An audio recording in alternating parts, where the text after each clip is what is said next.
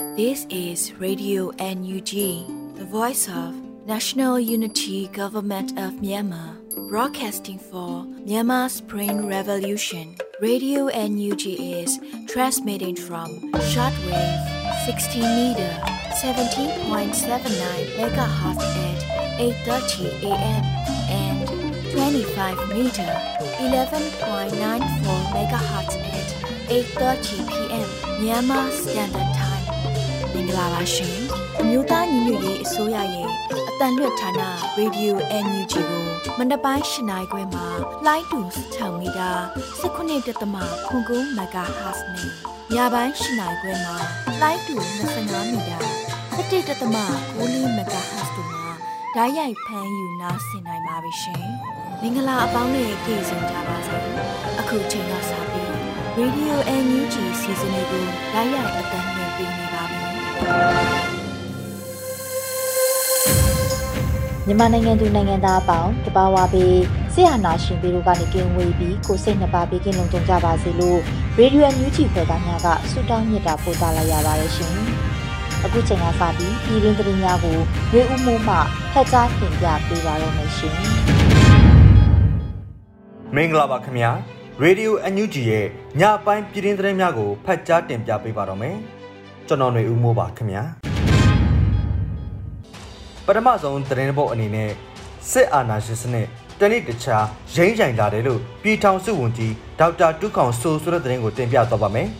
စက်တင်ဘာ16ရက်ကမ္ဘာအိုဇုံးလွာကာကွယ်ထိန်းသိမ်းရေးနေ့အခမ်းအနားသို့အမျိုးသားညီညွတ်ရေးအစိုးရတယံစာတနဲ့တဘာဝပတ်ဝန်းကျင်ထိန်းသိမ်းရေးဝန်ကြီးဌာနပြည်ထောင်စုဝန်ကြီးဒေါက်တာတူးခေါင်မှပေးပို့တဲ့တဝန်လွှာမှာစစ်အာဏာရှင်စနစ် တနေ့တခြားရိမ့်ရိုင်လာတယ်လို့ဆိုထားပါတယ်။လက်ရှိစစ်အာဏာရှင်စနစ်နဲ့စိုးသွမ်းမှုတွေကိုခါးစည်းခံနေရတဲ့မြန်မာနိုင်ငံစစ်ကြုံဘဝကလွတ်မြောက်ပြီးတိုင်းရင်းသားပြည်သူတိုင်း Federal Democracy နဲ့လူအခွင့်အရေးအပြည့်အဝရရှိကာကောင်းကျိုးချမ်းသာရရှိနိုင်ဖို့အတွက်တိုင်းရင်းသားပြည်သူတွေလက်ချင်းချိတ်ဆက်ကစစ်အာဏာရှင်ကိုအမြင့်ဖြတ်တိုက်ထုတ်နေကြပါတယ်။စစ်အာဏာရှင်စနစ်ကလည်းတနေ့တခြားရိမ့်ရိုင်လာတာအားလုံးအသိပဲဖြစ်ပါတယ်လို့ဆိုပါတယ်။ လက်ရှိမှာစစ်ကောင်စီတပ်ဖွဲ့ဝင်2000ကျော်တိတ်ဆုံးနေပြီးစစ်ကောင်စီရဲ့ထိန်းချုပ်နေမြေဟာစက်ခွန်ရာခိုင်နှုန်းသာရှိပါတော့တယ်ဆက်လက်ပြီး IIMM ကုလစုံစမ်းရေးအဖွဲ့ရဲ့မြန်မာနိုင်ငံအစည်းအဝေးခန်းစာဟာရာဇဝတ်မှုကျူးလွန်နေတဲ့စစ်ကောင်စီကိုအရေးယူဖို့နှောင့်နှေးနေတဲ့နိုင်ငံတကာကိုလှုံ့နိုးလိုက်တယ်လို့ဖြစ်ခဲ့တယ်လို့လူအခွင့်ရေးရာဝန်ကြီးဆိုဆိုတဲ့သတင်းကိုတင်ပြသွားပါမယ်။စက်တင်ဘာလအတွင်း သတင်းဌာနတစ်ခုနဲ့မေးမြန်းရာမှာလူအခွင့်ရေးရာဝန်ကြီးဦးအောင်မျိုးမင်းကအခုလိုဆိုလိုက်ပါတယ်။အခုအချိန်ထိဒီလောက်ဆိုးရွားနေတဲ့လူအခွင့်ရေးချိုးဖောက်မှုတွေမကပဲရာဇဝတ်မှုကျူးလွန်နေတဲ့စစ်ကောင်စီကိုအရေးယူဖို့နှောင့်နှေးနေတဲ့နိုင်ငံတကာကိုတော့လှုံ့နိုးလိုက်တယ်လို့တော့ဖြစ်သွားတာပေါ့။အရင်တုန်းက2019တုန်းကဖြစ်ပျက်ခဲ့တဲ့ရိုဟင်ဂျာတွေပေါ်မှာကျူးလွန်ခဲ့တဲ့ရာဇဝတ်မှုအကြောင်းတွေအခုအချိန်ထိတရားမျှတဖို့ဖော်ဆောင်မှုမရသေးတဲ့ကိစ္စတွေ ဒါကိုအဓိကထားပြီးတော့ပြောပါတယ်ဒါပေမဲ့ဒီလိုမျိုးရရှိထားတဲ့အချက်ပေါင်း3တန်းနဲ့နောက်တစ်ခါပြင်ဆင်ထားတယ်ဆိုတဲ့ဥပဒေပိုင်းဆိုင်ရာ case ပေါင်းတော့သူတို့က68ခုလောက်တော့ရရှိနေပြီလို့သူတို့ကပြောတယ်လို့ဝန်ကြီးကဆိုပါတယ် IIMM ကုလစုံစမ်းရေးအဖွဲ့ရဲ့အစီရင်ခံစာမှာရခိုင်တုန်းကနိုင်ငံတကာမှာမတုံးတဲ့ war crime စစ်ပွဲဆိုင်ရာရာဇဝတ်မှုအထစ်ကိုထုတ်ဖော်ပြောဆိုခဲ့ပါတယ် ဆက်လက်ပြီးအာနာရှင်ကိုဖြုတ်ချပြီးမှသာတဘာဝပတ်ဝန်းကျင်မှာထိမ့်သိမ့်နိုင်မှာဖြစ်တယ်လို့ပြည်ထောင်စုဝန်ကြီးဒေါက်ခင်မမမျိုးပြောကြားဆိုတဲ့သတင်းကိုတင်ပြသွားပါမယ်။စက်တင်ဘာ16ရက်မှာကျင်းပတဲ့တက်ရှိမြေကဘာရှင်တန်ရေးအိုဆုံးလွာကိုပူပေါင်းကာကွယ်ပေးဆွေးနွေးပွဲမှာပြည်ထောင်စုဝန်ကြီးဒေါက်ခင်မမမျိုးကအခုလိုပြောဆိုခဲ့ပါတယ်။စစ်အာဏာရှင်ကိုဖြုတ်ချနိုင်ပြီစစ်အုပ်စုကိုရက်ဆိုင်နိုင်ပြီဆိုရင်တော့ ပတ်ဝန်းကျင်ကိုလည်းကျမတို့တွေပုံမပြီးတော့ထိမ့်သိမ့်နိုင်မှာဖြစ်ပါတယ်။ထိမ့်သိမ့်လာနိုင်တဲ့အခါမှာယာတီဥဒုဖောက်ပြန်မှုတွေနည်းလာမယ်လို့ဆိုပါတယ်။စစ်အာဏာသိမ်းပြီးနောက်အကြမ်းဖက်စစ်အုပ်စုဟာပြည်သူအစိုးရလက်ထက်ကတဘာဝပတ်ဝန်းကျင်ထိခတ်မီဆိုးရပိတ်ပင်ထားသောလုပ်ငန်းများအားလုံးကိုပြန်လည်စတင်ခဲ့ပါတယ်။လက်ရှိမှာအလွန်အကျွံကြောက်မြက်တူးဖော်မှုများအပါအဝင်တရားမဝင်တစ်ခိုးထုတ်လုပ်မှုများပေါ်ပါမြန်မာနိုင်ငံဟာရင်ဆိုင်နေရပါတယ်။ ဆက်လက်ပြီးစစ်အုပ်စုရဲ့ရွေးကောက်ပွဲမှာအောင်မြင်ပဲຫນွေဦးတော်လန်ရေးရဲ့အပိသက်အောင်ပွဲသာမကြခင်ရမယ်လို့ တမရယုံပြောရေးဆိုခွင့်ရှိသူဦးကျော်စောပြောဆိုတဲ့သတင်းကိုတင်ပြသွားပါမယ်။စစ်အုပ်စုရဲ့ရွေးကောက်ပွဲမှာအောင်မြင်ပဲຫນွေဦးတော်လန်ရေးရဲ့အပိသက်အောင်ပွဲသာမကြခင်ရမယ်လို့တမရယုံပြောရေးဆိုခွင့်ရှိသူဦးကျော်စောကပြောကြားလိုက်ပါတယ်။တနစ်မဟာဗျူဟာစီမံချက်စတင်နေပြီဖြစ်၍ စစ်ရေးအရှိန်မြင့်တင်တော့မှလည်းဖြစ်တယ်လို့ရေဒီယိုအန်ယူဂျီကိုတမရယုံပြောရေးဆိုခွင့်ရှိသူဦးကျော်စောကစက်တင်ဘာ18ရက်နေ့မှာပြောလိုက်ပါတယ်။ကျွန်တော်မျိုးသားညီညွတ်ရေးဆိုရအန်ယူဂျီအနေနဲ့ဟာဒီတနစ်တာကာလအခုလာမတနစ်တာကာလမှာခုခံဒေါ်လာစစ်အရှိန်ဟုန်ကိုတဆင့်မြင့်ပြီးတော့အချိန်ုံမြင့်မြင့်နဲ့ပြည်သူတွေရဲ့နေဦးတော်လှန်ရေးအမြန်ဆုံးအောင်မြင်ဖို့လှုံ့ဆော်ဖို့အတွက်မဟာဗျူဟာချမှတ်ပြီးလှုံ့ဆော်နေပါတယ် ပြည်သူတွေရဲ့ညီຫນွေဦးတော်လှန်ရေးဟာအကြမ်းဖက်စစ်အုပ်စုကနိုင်ငံတော်ရဲ့အာဏာကိုတူဖို့အတွက်စ조사တဲ့ February လတရက်နေ့2021ခုနှစ်ကစပြီးတော့လက်နက်အားကိုးနဲ့အာဏာသိမ်းဖို့စ조사တဲ့ဟာကိုလက်မခံမဲနဲ့ဗတ်ပေါင်းစုံကနေပြီးတော့စန့်ကျင်တော်လှန်ခဲ့ကြတာဖြစ်ပါတယ်။တခိုင်းပြည်လုံးမှာငြိမ်းချမ်းစွာလမ်းပေါ်မှာဆန္ဒပြကြတယ်။အာဏာဖီဆန်တဲ့ပြည်သူဝန်ထမ်းတွေအများစုဟာ CDM တွေလုပ်ပြီးတော့ အာဏာသိမ်းဖို့ကြိုးစားတဲ့စစ်ကောင်စီကိုဆန့်ကျင်ခဲ့ကြတယ်။ငြိမ်းချမ်းစွာဆန္ဒပြငြိမ်းချမ်းစွာတောင်းဆိုတဲ့ပြည်သူတွေကိုမတရားလက်နက်အားကိုးပြီးတော့ရရဆက်ဆက်တပ်ဖြတ်လာတဲ့အခါကျတော့ပြည်သူတွေရမခံမညက်နိုင်နဲ့လက်နက်ရရလက်နက်ကိုင်ဆွဲပြီးခုခံခဲ့ကြတယ်။မနစ်ကစက်တင်ဘာ9ရက်နေ့မှာကျွန်တော်ရဲ့ယာယီသမ္မတကြီးကနေပြီးတော့ခုခံဒေါ်လာစစ်ကိုတရားဝင်ကြေညာပြီးတော့စပြီးတော့လက်နက်ကိုင်ဒေါ်လာရေးစတင်ခဲ့ကြပါတယ်။ဒီတစ်နှစ်ကြော်ကြော်ကာလအတွင်းမှာပြည်သူတွေရဲ့ခွန်အားနဲ့ကျွန်တော်တို့ရဲ့ လက်နက်ကိုင်ဒေါ်လာရေးကအရှိန်ဟုန်ရပြီးတော့နေမြေအမြောက်အများမြန်မာနိုင်ငံရဲ့နေမြေတဝက်ကျော်ကျော်ကိုစိုးမိုးနိုင်တဲ့အနေအထားထိကိုရောက်ရှိလာခဲ့တာကိုတွေ့ရှိကြရမှာဖြစ်ပါတယ်။နိုင်ငံတကာရဲ့ကျွမ်းကျင်သူတွေလေ့လာသူတွေကလည်းလက်ခံထားကြပြီဖြစ်ပါတယ်။အထူးမြန်မာနိုင်ငံအထူးကြံပေးကောင်စီ Special Advisory Council for Myanmar ကလည်းစက်တင်ဘာလ9ရက်နေ့မှာထုတ်တဲ့သူတို့ရဲ့အစီရင်ခံစာမှာလည်းအတိအလင်း အာသုံးသက်တင်ပြထားတာလည်းတွေ့ရှိရပါတယ်။နိုင်ငံတကာကစစ်ရေးစစ်ရာကိုကျွမ်းကျင်သူစစ်ရေးစစ်ရာသုံးသက်သူဝေဖန်သူတွေအားလုံးကလည်းအခုချိန်မှာတညီတညွတ်တဲ့ပြောဆိုလာကြပါပြီ။အကြံဖက်စစ်ကောင်စီဟာပြည်သူတွေရဲ့ပြည်သူ့ကာကွယ်ရေးတပ်ဖွဲ့တွေနဲ့တိုင်းရင်းသားလက်နက်ခိုင်ဒေါ်လာရေးအင်အားစုတွေကိုဘယ်လိုမှမနိုင်နိုင်ဘူးဆိုတာအတိအလင်းပြောကြားနေပါပြီ ကျွန်တော်တို့ရဲ့ပြည်သူဒေါ်လာရေးလက်နက်ကိုင်ဒေါ်လာရေးဟာဒီအချမ်းပတ်စစ်ကောင်စီစစ်တပ်ပေါ်မှာအနိုင်ရနေတယ်ဆိုတော့လေသူတို့ရေးသားသုံးသပ်တာတွေတွေ့ရှိရမှာဖြစ်ပါတယ်ကျွန်တော်တို့ရဲ့လက်နက်ကိုင်ဒေါ်လာရေးဟာအခုဒုတိယနှစ်ထဲဝင်လာပါပြီဒီဝင်လာတဲ့အချိန်မှာဒုတိယနှစ်ထဲမှာကျွန်တော်တို့တွေ NUG အစိုးရရောညမဟာမိတ်အဖွဲ့အစည်းတွေမဟာမိတ်တိုင်းသားဒေါ်လာရေးအင်အားစုတွေနဲ့လက်တွဲပြီးတော့မဟာဗျူဟာတစ်နှစ်မဟာဗျူဟာအရှိန်အဟုန်မြင့်ဒေါ်လာရေးအရှိန်အဟုန်လက်နက်ကန်ဒေါ်လာရေးအရှိန်အဟုန်မြင့်ဘက်ပေါင်းစုံက ဒေါ်လာရေးຫນွေဦးဒေါ်လာရေးဘက်ပေါင်းစုံကအရှိန်အဟုန်မြင့်တင်ပြီးတော့ဒီအချမ်းဘတ်စစ်အုပ်စုမြန်မာနိုင်ငံကနေပြီးတော့အမြန်ဆုံးပျောက်ကင်းသွားဖို့မြစ်ကမချန်ခြေမုံနိုင်ဖို့အတွက်မဟာဗျူဟာချပြီးတော့မဟာဗျူဟာချပြီးလောက်ကိုင်မှုအစီအစဉ်နေကြပါတယ်။ဒါကြောင့်ဒီသမ္မတကြီးနိုင်ငံတော်ရဲ့ယာယီသမ္မတကြီးဟာစက်တင်ဘာ9ရက်နေ့မှာပြောတဲ့သူ့ရဲ့မိန့်ခွန်းထဲမှာလည်းထည့်သွင်းပြောကြားသွားပါတယ်ဒီဒုတိယနှစ်ကာလမှာကျွန်တော်တို့ရဲ့ဒေါ်လာရင်းအင်အားစုတွေအနေနဲ့ပုံမခိုင်မာတဲ့ နယ်မြေတွေပုံမခိုင်မာစုမိုးအုပ်ချုပ်နိုင်တဲ့နယ်မြေအမြောက်အများရရှိမယ်ဆိုတာကိုပြောကြားပြီးသွားဖြစ်ပါတယ်ကျွန်တော်ရဲ့ကာကွယ်ရေးဝန်ကြီးဦးရင်မူကလည်းပြောကြားထားတာတွေ့ရပါလိမ့်မယ်ဒုတိယနှစ်မှာဆိုရင်ကျွန်တော်တို့ရဲ့ခုခံဒေါ်လာစစ်မှသည်ချိန်ချိန်မုံစစ်အဆင့်မြင့်ဖို့အတွက်ဖြစ်လာမယ်ဆိုတာအတိအလင်းပြောကြားထားပြီးဖြစ်ပါတယ်။ဒါကြောင့်ဒီဒုတိယနှစ်ကာလအတွင်းမှာကျွန်တော်တို့တွေရဲ့ဒေါ်လာရေးအောင်မြင်မှုအသီးပွင့်တွေကိုပုံမပြီးတွေးရှိလာရမှာဖြစ်ပါတယ်။အားလုံးကဏ္ဍပေါင်းစုံ လက်နက်ကင်ဒေါ်လာရေးသာမကအားလုံးကဏ္ဍပေါင်းစုံဟာလုံနေတဲ့ပြည်သူတွေရဲ့ဒေါ်လာရေးကဏ္ဍပေါင်းစုံဟာအင်မတန်အရေးကြီးပါတယ်။အဲ့ဒါတွေဟန်ချက်ညီညီစစ်ရေးနိုင်ငံရေးเนาะနောက်ပြီးတော့နိုင်ငံတကာတန်တမာရေးနောက်မြန်မာပြည်ထဲမှာဆိုရင်လည်းအကြမ်းမဖက်ပဲတဲ့ဒီလက်နက်မကင်မနဲ့ဒီအာနာဖီဆန်လောက်ကင်နေကြတဲ့ပြည်သူတွေရဲ့ခန္ဓာပေါင်းစုံအားပါဝင်နေကြတဲ့လူအင်အားငွေအင်အားပံ့ပိုးမှုတွေကလည်းတကယ်အရေးကြီးတဲ့ ခန်းကဏ္ဍမှာရှိပါတယ်သူတို့ဒါတွေကြောင့်လည်းအောင်မြင်တာပါစီလုံးညီညွတ်ရေးဆိုတဲ့တိုင်းရင်းသားလက်နက်ကိုင်အုပ်စုတွေနဲ့စီလုံးညီညွတ်စွာဒေါ်လာရင်းအင်အားစုတွေအကုန်လုံးစီလုံးညီညွတ်စွာလောက်ကင်မှုကလည်းအောင်မြင်မှုအတွက်အင်မတန်မှအရေးကြီးတဲ့ခန်းကဏ္ဍဖြစ်ရှိနေပါတယ်စစ်ကောင်စီရဲ့လုံးမဲ့2023သူတို့ကြေညာထားတဲ့2023ရွေးကောက်ပွဲအဆိုရင်တရားမဝင်တဲ့အထုအယောင်ရွေးကောက်ပွဲဖြစ်တယ်ဆိုတော့မြန်မာပြည်သူတို့တရက်လုံးကလည်းသိရှိထားပြီးဖြစ်ပါတယ်။နိုင်ငံတကာကလည်းအဲ့လိုတရားမဝင်ဘူး အတိမတ်မပြုဘူးဆိုတဲ့ဟာကိုကြေညာပြောဆိုနေကြတဲ့တနေ့တခြားပို့ပို့ပြီးတွေ့နေရပါတယ်။ဒါကြောင့်ဒီတရားမဝင်တဲ့အထူးရောင်ရွေးကောက်ပွဲစစ်ကောင်စီရဲ့ရွေးကောက်ပွဲဟာ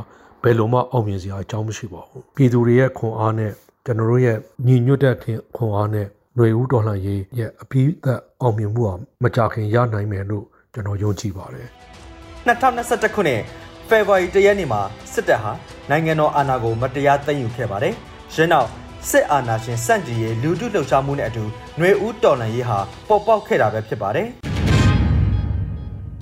ဆက်လက်ပြီးကမ်ဘလူမြို့နယ်ချက်သိန်းကထွက်လာတဲ့အကြမ်းဖက်စစ်တပ်များရန်တမ်းပစ်ခတ်၍အသက်9နှစ်အရွယ်ကလေးတူကြည်ထိမှန်တေဆုံးဆိုတဲ့သတင်းကိုတင်ပြသွားပါမယ်။စကိုင်းတိုင်းကမ်ဘလူမြို့နယ်ချက်သိန်းကထွက်လာတဲ့အကြမ်းဖက်စစ်တပ်များရန်တမ်းပစ်ခတ်၍9နှစ်အရွယ်ကလေးတူကြည်ထိမှန်တေဆုံးခဲ့ပါတယ်။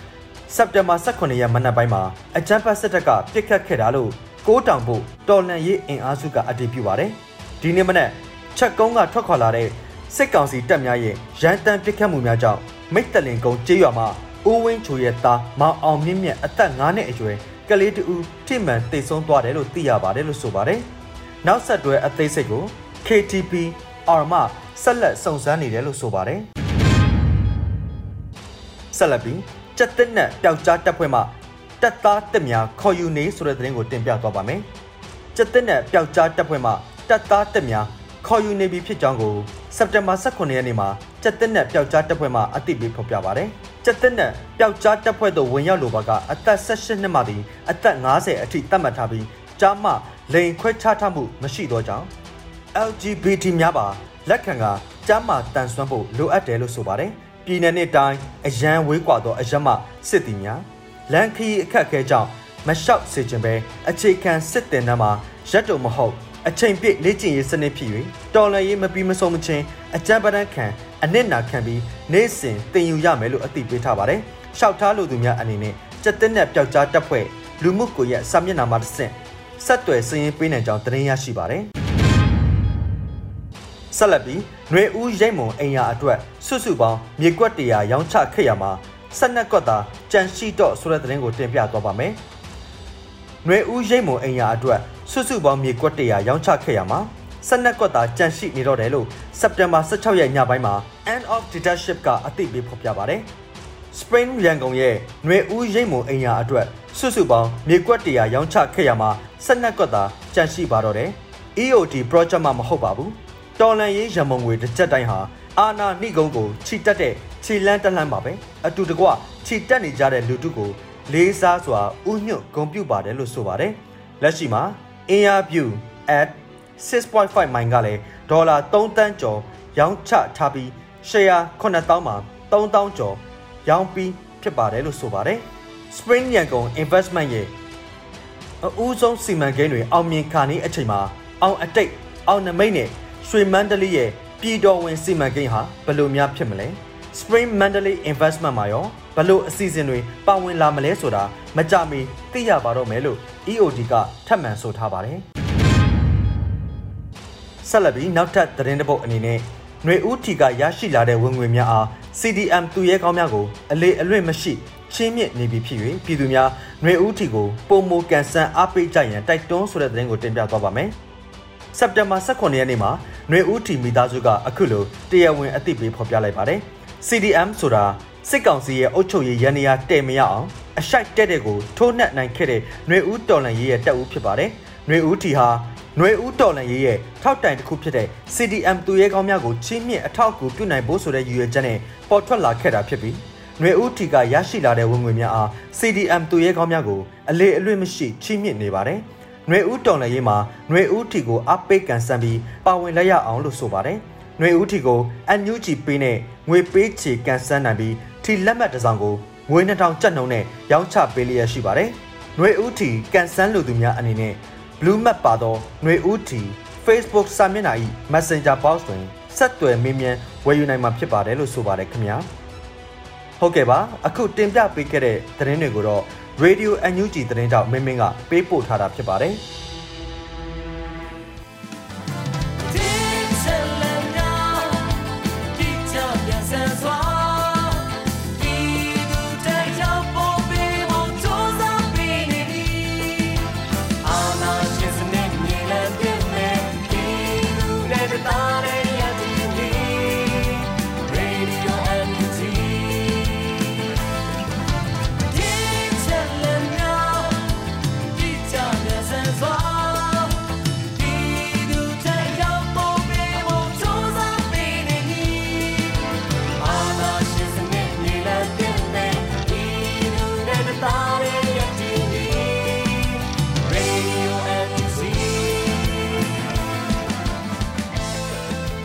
ရေဒီယိုညူချီရဲ့ညပိုင်းစီစဉ်တွေကိုဆက်လက်တင်ပြနေပါတယ်။ဒီနေ့ရဲ့အင်တာဗျူးကဏ္ဍအစီအစဉ်မှာတော့စီဒီအန်တဦးရဲ့ဘဝဖြတ်သန်းမှုပိုင်း40ကိုရွေဦးမှုမှမေးမြန်းတင်ဆက်ထားတာကိုနားဆင်ကြရတော့မှာဖြစ်ပါရဲ့ရှင်။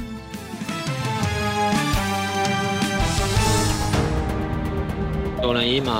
စီဒီယန်ဝန်ထမ်းတူအနေနဲ့ပါဝင်ရတာဟိုကျွန်တော်တို့အတွက်ကဂုံယူတယ်ဗျာ ဘလောက်ခက်ခဲနေပြီဒီကျွန်တော်တို့ရင်ဆိုင်မယ်ဖြည့်ရှင်းမယ်စစ်ကောင်စီရဲ့အောက်ကိုတော့ကျွန်တော်လုံးဝမဝင်စစ်ကောင်စီပြုတ်ကျသွားအောင်ကျွန်တော်တို့ဒီလမ်းပေါင်းစုံနဲ့ပါဝင်ပြီးတော့တော်လန်မယ်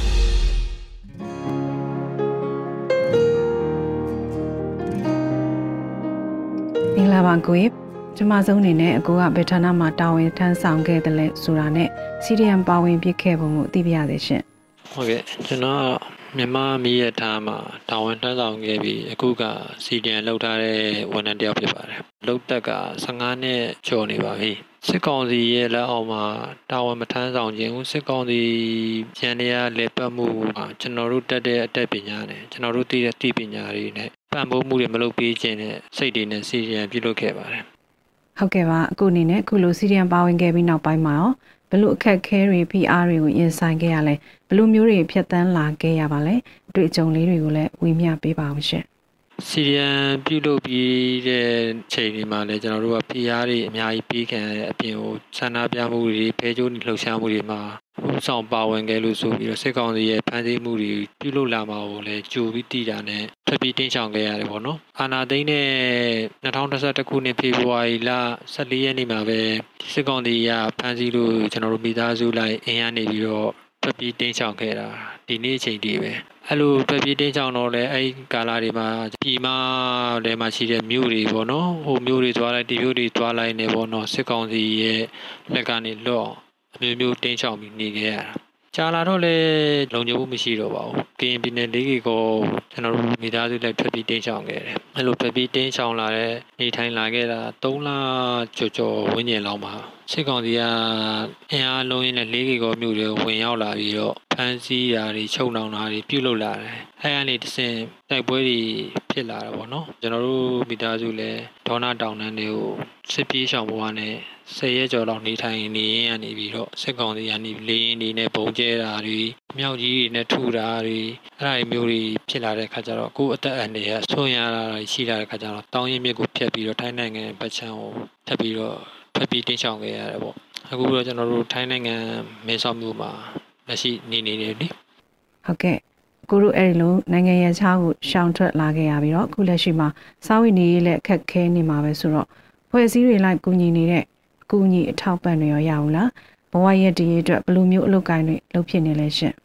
အခုကြီးအထောက်ပံ့နေရတော့စီဒီယန်လုပ်ခဲ့တဲ့ချိန်ကစပြီးရတော့ဒီနေ့ချိန်ဒီအခုကြီးထောက်ပံ့နေရတော့ပြည့်ပြည့်ဝဝရတယ်မရှိခဲ့ပါဘူး အဲ့ဒီငွေကြီးထောက်ပံ့မှုတွေရောကျန်းတခြားထောက်ပံ့မှုတွေရောအများကြီးလိုအပ်ပါတယ်။ဘာပူညီထောက်ပံ့မှမရခဲ့သလောက်ရှိပါတယ်။ CDN လုပ်ခဲ့တဲ့2021ခုနှစ်ဖေဖော်ဝါရီလအနောက်ပိုင်းမှာအဲ့ဒီမတ်လမှာတစ်ခါပဲ CN supporting လုပ်ပြီးတဲ့အဖွဲ့အစည်းကနေလာတာတစ်ခါရခဲ့ဘူးတယ်အဲ့ဒါပဲရှိခဲ့ဘူးတယ်အခုမင်းဆောက်ဘက်ကိုရောက်တဲ့ခါကျတော့ AAPP ရဲ့ နောက်ပြီးတော့ New Myanmar Foundation အဲ့ဒီကနေပြီးတော့အထောက်ပံ့နေငယ်ရတယ်ပေါ့နော်အဲ့ဒါပဲရှိခဲ့ဘူးတယ်ဘာတဲ့အထောက်ပံ့ကူညီမှာတော့မရခဲ့ဘူးပေါ့နော်လက်ရှိအခြေအနေမှာတော့ဘဝကိုဘဝကိုရက်တည်ဖို့အတွက်မိသားစုစာဝန်တွေဖြည့်ရှင်းဖို့အတွက်ကိုကျွန်တော်တို့ဒီထိုင်းနိုင်ငံမှာလည်းအလုပ်ချမ်းနေပေါ့နော်ပယံတို့လက်သမားတို့စားတဲ့အလုပ်ချမ်းတွေကျွန်တော်တို့လုပ်နေတယ်အလုပ်ကတော့ရွေးလို့မရဘူးအရင်တော့ကတော့စီဒီယန်မလုပ်ခင်ကာလတွေမှာတော့ဘောဝင်ကင်ပြီးတော့ရေးဝါစာ ကောင်းတဲ့အခန်းထဲမှာအဲကွန်ခန်းထဲမှာကျွန်တော်တို့အလုပ်လုပ်ပြီးတော့နေလာခဲ့ရတာနေပြီးတော့အခုလည်းမလုပ်ချမ်းလုပ်ရတာဆိုတော့နည်းနည်းလေးတော့ခက်ခဲတာပေါ့ဒါပေမဲ့ကျွန်တော်တို့ကဒီချိန်မှာမိသားစုစာဝန်တွေဖြည့်ရှင်းဖို့အတွက်ရွေးချယ်ခွင့်မရှိတဲ့အချိန်ကာလတွေဖြစ်ပါတယ်ဟုတ်ကဲ့ရှင်အခုပြောပြသလိုအထောက်ပံ့ကရတဲ့နေရာတွေလည်းရှိရဆိုပေမဲ့အခက်ခဲကတော့အများကြီးရှိနေဦးမှာပဲဆိုတော့နားလေကိုချင်းစားပါတယ်ခုလိုအခက်ခဲဒုက္ခမျိုးစုံကြုံနေရတဲ့ပေါ့စိတ်သက်ကြမိတာမျိုးအလုပ်ကိုပြန်သွားဖို့စိတ်ကူးမျိုးမတွေးမိဘူးလားရှင် လူတော်လည်းပေါ့ထားရှိတဲ့ကိုယ့်ရဲ့ခံယူချက်နဲ့သဘောထားကိုလည်းသိကြပါတယ်ရှင်ခက်ခက်ခဲခဲနဲ့ဘဝကိုပြတ်တန်းလာခဲ့ရတဲ့ခါကျတော့စိတ်တက်ကြတာတော့ရှိတယ်ဒါပေမဲ့အဲ့ဒီကျွန်တော်တို့ခက်ခဲနေတယ်ဆိုတဲ့အရာကိုဖြည့်ရှင်းဖို့အတွက်ကတော့ဒီချမ်းပတ်စစ်ကောင်တီရဲ့လက်အောက်မှာပြန်ပြီးတာဝန်ထမ်းဆောင်မယ်ဆိုတဲ့စိတ်ကတော့လုံးဝမရှိဘူးပေါ့နော်ကျွန်တော်တို့ကတော့ဘလို့ခက်ခဲရရှိချင်နေစီရီယန်ကတော့ဆက်လို့မှာပဲ နယူးတော်လန်ရေးကအောင်မြင်မဲ့ပွဲတစ်ခုပဲကျွန်တော်တို့ဒီအောင်မြင်မှုကနေရမယ်ရလက်ကလည်းအရန်ကိုကြီးမားတယ်နှစ်ပေါင်း60ကျော်လို့ကျွန်တော်တို့အာနာရှင်ရဲ့လက်အောက်မှာရှင်တန်းနေထိုင်လာတဲ့ခါကျတော့လူညွန့်တုံးနေတဲ့ကျွန်တော်တို့နိုင်ငံကြီးကဒီနယူးတော်လန်ရေးကြောင့်အောင်မြင်မှုတွေအများကြီးရလာမယ်ပေါ့နော်ဒီအောင်မြင်မှုတွေရပဲဆိုတာအောင်မြင်မှုဆိုတာလွယ်လေးနဲ့ အောင်မြင်မှုကြီးကြီးမားမားရမှာမို့ကျွန်တော်တို့အချိန်ကာလလည်းကြာကြီးဆောင်းအောင်ပြီးဆက်မှုတွေကလည်းများမယ်ပေါ့လေနောက်ပြီးတော့ဒီလိုမျိုးအသက်တွေစတေးတာတို့ဘဝတွေစတေးတာမျိုးကလည်းဆက်ပြီးတော့လည်းရှိနိုင်သေးတယ်လို့ကျွန်တော်ထင်မြင်ပါတယ်ကျွန်တော်တို့အောင်မြင်မှုကိုပြီးဆက်မှုတွေအရန်အများကြီးနဲ့ဆက်ပြီးတော့မဖြစ်လာသေးလို့ပဲဆုတောင်းပါတယ်ဟုတ်ကဲ့ပါရှင်ခုနောက်ဆုံးမေဂျင်နာကခုလိုပြည်သူဘက်ကရက်တီလာခဲ့တဲ့ပြည်သူဝန်ထမ်းတဦးအနေနဲ့ပြည်သူတွေကိုဘာတွေများပြောချင်တာမျိုးရှိလဲ အကူနဲ့ဘဝတွေ CDM တွေကိုရောဘာတွေများစိတ်သက်ခွန်အားပေးချင်ပါလဲရှင်ကျွန်တော်တို့ပြည်သူတွေကလည်းခန္ဓာအပေါင်းစုံကနေပြီးတော့အဖက်ဖက်ကနေပြီးတော့ဒီတော်လိုင်းရေးကိုပါဝင်နေတာမြင်ရတော့ကျွန်တော်တို့ CDM လောက်ရတာလည်းအရန်ကိုဟာရတယ်ကျင်းနေတယ်ပေါ့နော်ထောက်ပံ့မှုကတော့အနေချင်းရှိကောင်းလဲရှိလိမ့်မယ်မရှိရင်လည်းမရှိဘူးပေါ့ဒါပေမဲ့ CDM ဝန်ထမ်းတွေကတော့ဘယ်လိုပဲဖြစ်နေပလေစေခက်ခဲတွေကိုဖြေရှင်းတဲ့အခါမှာစစ်ကောင်စီမှာပြန်ပြီးတော့တာဝန်ထမ်းဆောင်တာလွယ်ကျန်တဲ့နီလန်းနေနေပေါ့နော်လောက်ကန်ပြီးတော့ ဖြေရှင်းစေခြင်းနဲ့ခက်ခဲတွေရဒီချိန်မှာအားလုံးဖြစ်ပေါ်နေတယ် CDN လုံးမမလုံးမတော့မဟုတ်ပါဘူးဒေါ်လာရေးမှာပါဝင်မှမပါဝင်မှမဟုတ်အကုန်လုံးဟာလက်ရှိရှိမှာတနိုင်ငံလုံးဟာအမှောင်ကျနေတယ်ဒီစစ်ကောင်စီရဲ့မတရားဖိနှိပ်မှုတွေကျွန်တော်တို့ခံနေရတယ်ပေါ့နော်ဒီလိုချိန်တွေမှာကျွန်တော်တို့ CDN လောက်လိုက်လို့ခက်ခဲတာတော့ကတော့တိတ်ပြီးတော့ပြောပလောက်တဲ့အခက်အခဲမျိုးမဟုတ်ပါဘူးတကယ်တော့ကျွန်တော်တို့ကဒါဒီလိုတော်လန်ရေးမှာစီဒီယံဝန်ထမ်းတူအနေနဲ့ပါဝင်ရတာဟိုကျွန်တော်တို့အတွက်က ဂုဏ်ယူတယ်ဗျာနောက်တစ်ချိန်မှာတမိုင်းမှာလည်းကျွန်တော်တို့ရဲ့ CDN တွေရဲ့ကဏ္ဍတစ်ခုဟာအရေးပါတယ်ဆိုတာကိုလည်းကျွန်တော်တို့ပြကြတယ်ပေါ့နော်အဲဒါကြောင့်ဘလောက်ခက်ခဲနေပြီဒီကျွန်တော်တို့ရင်ဆိုင်မယ်ဖြည့်ရှင်းမယ်စစ်ကောင်စီရဲ့အောက်ကိုတော့ကျွန်တော်လုံးဝမဝင်စစ်ကောင်စီပြုတ်ကျသွားအောင်ကျွန်တော်တို့လေးလန်းပေါင်းစုံနဲ့ပါဝင်ပြီးတော့တော်လန့်မယ်ဒါကျွန်တော်တို့ကျန်တဲ့ CDN ဝန်ထမ်းတွေလည်းကျွန်တော်နဲ့ နီးတူပဲလက်ရှိအချိန်ဒီ CDN လုပ်တယ်ဆိုတာခက်ခဲအများကြီးယူရင်ဆိုင်ပြီးတော့ CDN လုပ်နေကြတာကျွန်တော်နဲ့နီးတူပဲစိတ်သက်တွေရှိကြမယ်လို့ကျွန်တော်ယုံကြည်တယ်ကျွန်တော်တို့လုပ်ဖို့ကံပတ် CDN တွေအကုန်လုံးလဲနည်းနည်းလေးအားဆက်တင်ပေးထားပါဦးလို့တော်လန်ရေးကြီးကမဝေးတော့ပါဘူးဟုတ်ကဲ့ပါကိုကြီးခုလိုချိန်ပေးပြီးဖြေချပေးတဲ့အတွက်ကျမတို့ Radio Energy ကအထူးပဲကျေးဇူးတင်ရှိပါတယ်ရှင်ကိုမရွေးမဲ့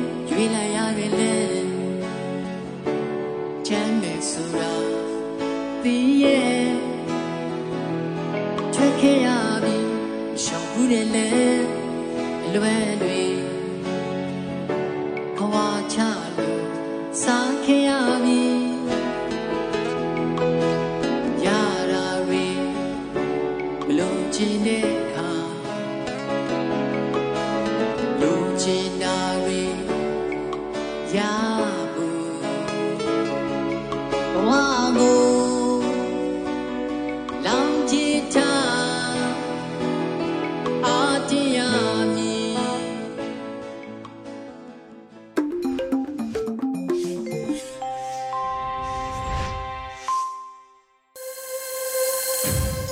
ရေဒီယိုအန်ယူဂျီပရိသတ်တွေအတွက်ကူးဆက်လက်ပြီးထုတ်လွှင့်ပေးမယ့်အစီအစဉ်ကတော့တော်လန်ရေးတေးဂီတာအစီအစဉ်ဖြစ်ပါတယ်။တွဲလက်များညီ NUG လို့အမည်ရတဲ့တော်လန်ရေးတေးဂီတာကိုနားဆင်ကြရတော့မှာဖြစ်ပါတယ်ရှင်။